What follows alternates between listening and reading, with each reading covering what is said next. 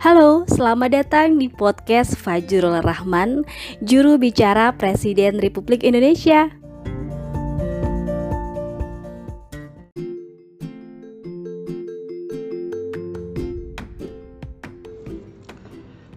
Presiden Joko Widodo menerapkan sistem respon wabah COVID-19 dengan memperhatikan aspek keseimbangan kepentingan, yaitu kepentingan keselamatan rakyat, baik secara sosial kesehatan dan perekonomian.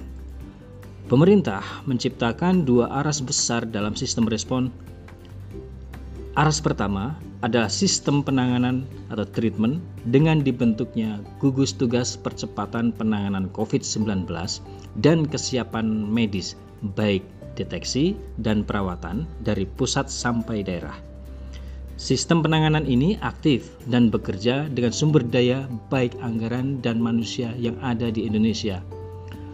Aras kedua adalah penguatan aspek kesadaran sosial dalam tindakan krisis, yaitu perilaku pembatasan sosial atau social distancing pemerintah dan seluruh elemen yang ada melakukan edukasi di semua lini sosial agar masyarakat menerapkan perilaku pembatasan sosial tersebut.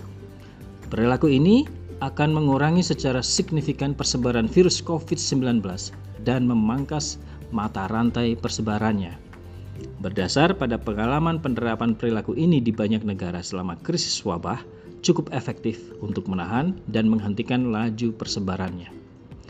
Dua pendekatan dalam sistem respon COVID-19 ini merupakan teknologi Indonesia yang membutuhkan persatuan, gotong royong, dan kekompakan.